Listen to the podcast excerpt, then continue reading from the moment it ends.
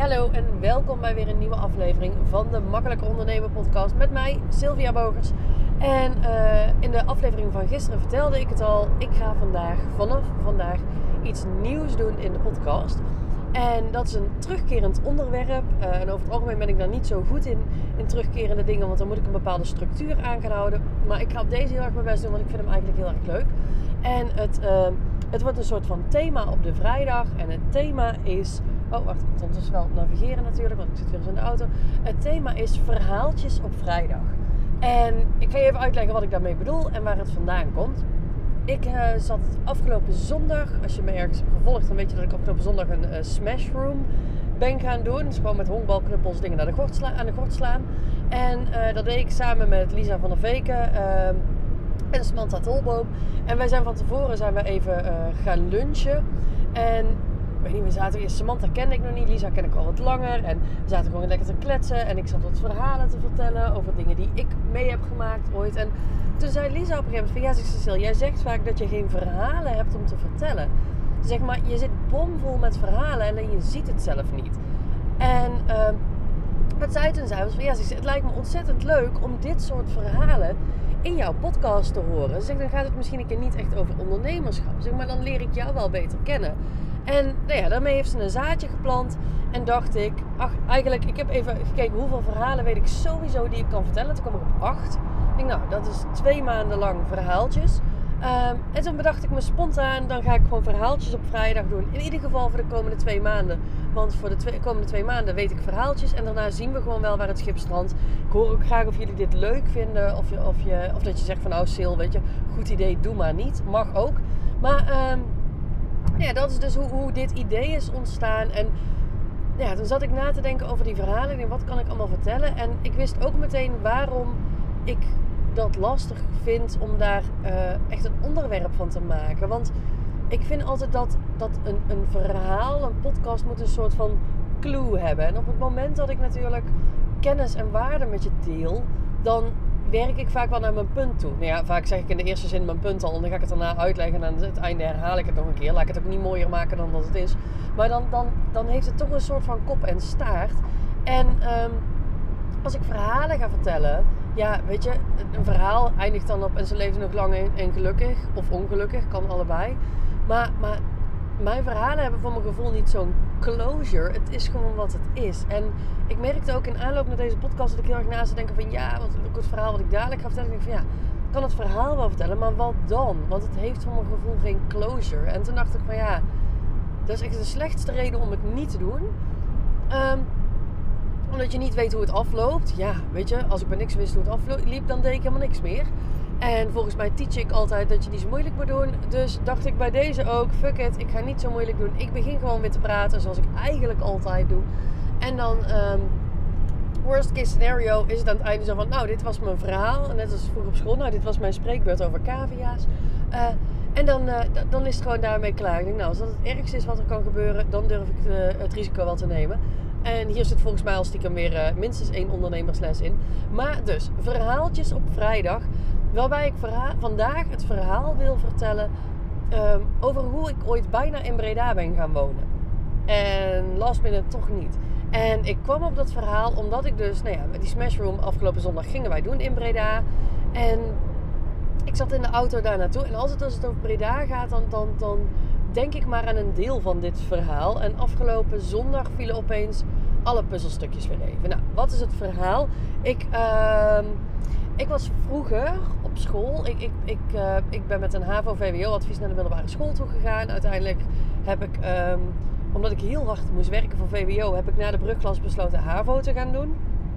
En... Um, en, en, en uiteindelijk ben ik in 4 haven ook nog een keer blijven zitten. Want ach, was daar zo gezellig. Ik vond school helemaal niet gezellig, want ik hoorde nergens bij. Maar uh, aangezien de meeste mensen 4 HAVO overdoen, dacht ik, nou, weet je, laat ik even lekker gemiddeld zijn. Dus ik heb 4 HAVO ook twee keer gedaan, 6 jaar over mijn HAVO gedaan. En als ik ga kijken op school, ik, ik hoorde vroeger nooit echt ergens bij. Ik heb heel lang mezelf het verhaal verteld dat ik altijd gepest ben. Daar heb ik laatst.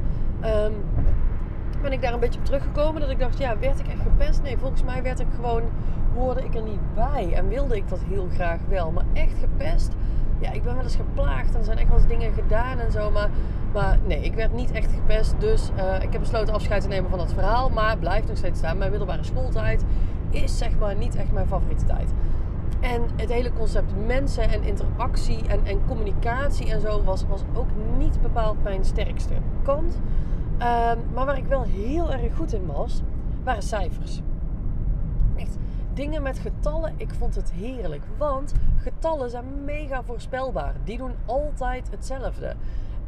De, dus ik was, uh, ja, en ik had gewoon echt een wiskundeknobbel. Ik, ik had ook in mijn vakkenpakket, ik was net, zeg maar, net voor dat gedoe dat je, dat je, de, hoe heet dat, uh, dat je, tweede fase of zo was dat, dat je van die vakkenpakketten moest kiezen. Nee, ik mocht gewoon nog los mijn vakken kiezen. Dus ik had wiskunde A, wiskunde B, economie en handelsrekening. Ja, en dan Nederlands en Engels omdat het moest. Um, maar echt vooral die wiskundevakken, daar was ik echt mega goed in. En handelsrekenen vond ik ook helemaal leuk. Doet ook altijd hetzelfde en aan het eind moet het kloppen. Nou, ik hou daarvan.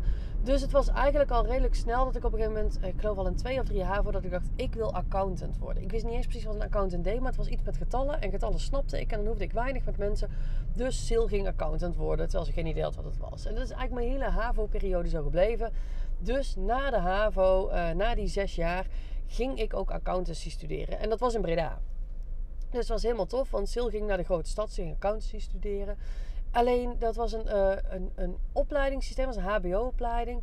En dat opleidingssysteem daar, dat heette PGO. Probleemgestuurd onderwijs. Nou, en als je dit herkent, dan weet je waarschijnlijk wat voor extreem drama dat is. Ik weet ook niet of het nog bestaat. Het zou bij mij, van mij bij wet verboden mogen worden. Maar PGO hield zo'n beetje in dat je... Um, je had ieder ja, schooljaar had je vier blokken. Vier trimesters. Nee, is het dan een trimester of zijn het er dan maar drie? Nou, doet er ook niet toe. Ben ik wel vier blokken van tien weken. En um, ja, waar je normaal dan uh, meerdere lessen krijgt en meerdere toetsen en zo voor je studiepunten, was het hier zo dat je kreeg wel lessen, maar je kreeg voornamelijk casussen voorgelegd. Dus je kreeg iedere week twee casussen of zo, geloof ik. En dan moest je in groepjes, moest je dan maar bedenken wat jij dacht dat de school had bedoeld dat jij aan kennis uit die casus ophaalde. Um, en dat moest je dan uit een enorme stapel van 16 hele dikke boeken, moest jij dan maar dat gaan bestuderen waarvan je dacht dat zij vonden dat je dat moest bestuderen. En dan één keer in de 10 weken had je een toets en die telde ook meteen voor 10 studiepunten. Dus had jij ergens fout gegokt met die casussen of net niet het juiste uit die boeken, maar niemand vertelde dus wat je wel moest doen, ja, dan had je dus pech. Dus nou, mijn eerste, uh, het eerste blok, de eerste 10 weken, dan heb je in oktober of zo heb je dan, uh, heb je dan een toets. En die had ik net gehaald. Ik geloof een 6,5 of zo, of 6,3, weet ik veel. Maar ik had hem gehaald. Ik dacht, nou, weet je, prima. Hak over de sloot. 5,5 is ook een 6.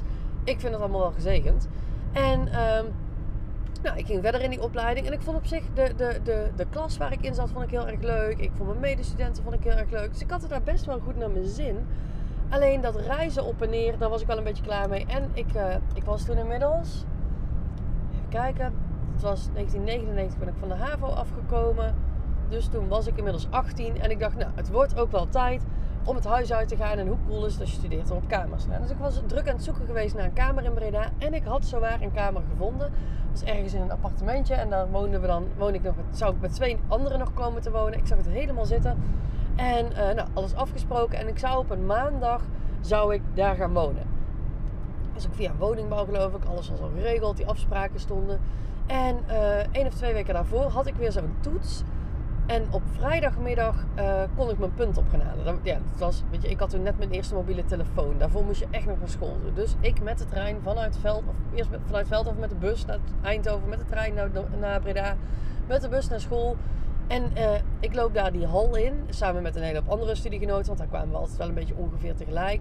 En dan hangt er zo'n grote lijst in de hal met daarop de cijfers. En ik liep daar naartoe en ik wist al dat het niet denderend zou zijn, maar ik kijk naar die lijst en ik zoek mijn naam en ik kijk een 3,3. En op dat moment dacht ik echt, the fuck.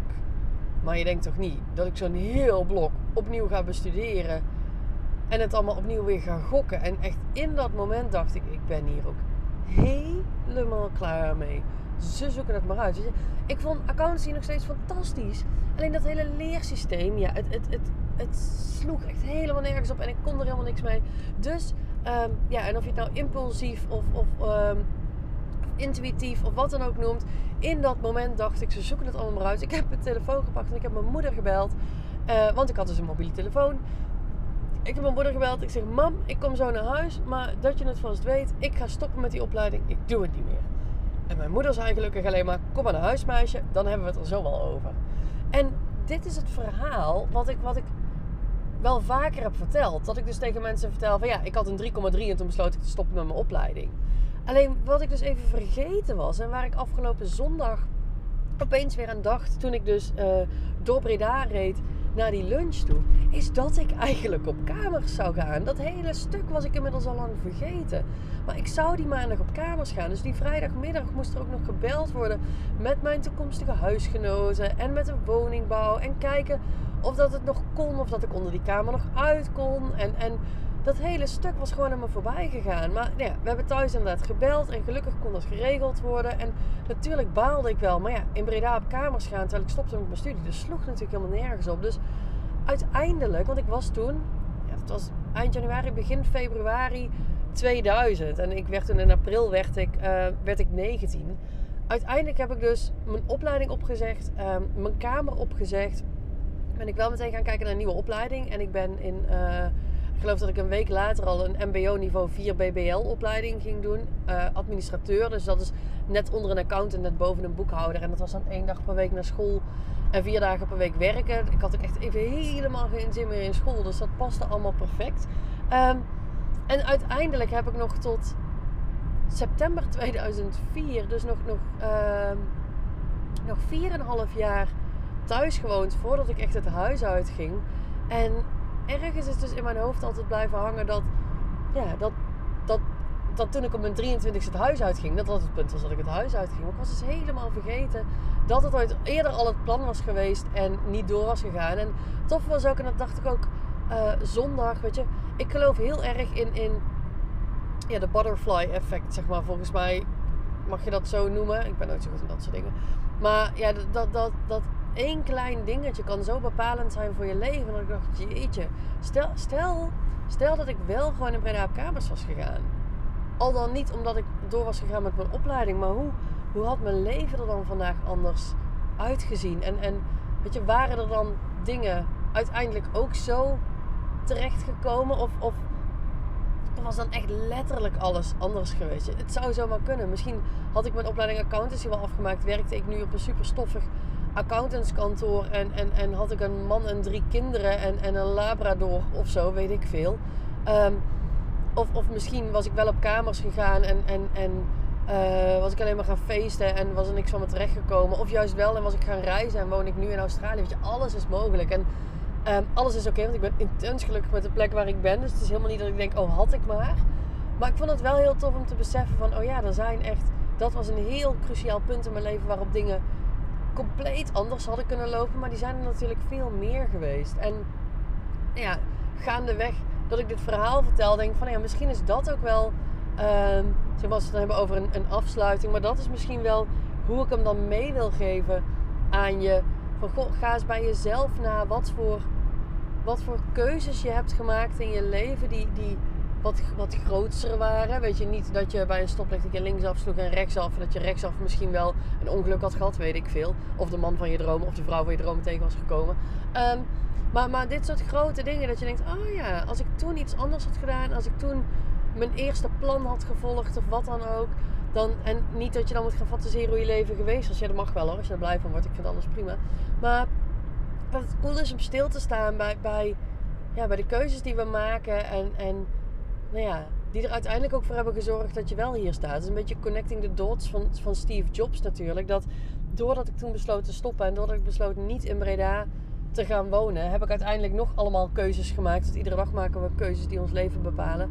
Um, waardoor ik nu wel uitgekomen ben waar ik nu ben. En trust me, er is geen plek waar ik liever zou willen zijn Ehm, dan waar ik vandaag ben. Er is geen punt in mijn leven waar ik liever had willen zijn dan het punt waar ik vandaag ben. Want ik vind mijn leven echt fantastisch. En ik geniet er iedere keer van, ieder moment van. Uh, ook in de momenten dat het even kut is. Want natuurlijk is het bij mij ook niet altijd happy, happy, joy, joy en, en regenbogen en unicorns en zo. Um, maar ik vind het leven fantastisch en ik ben er heel blij mee.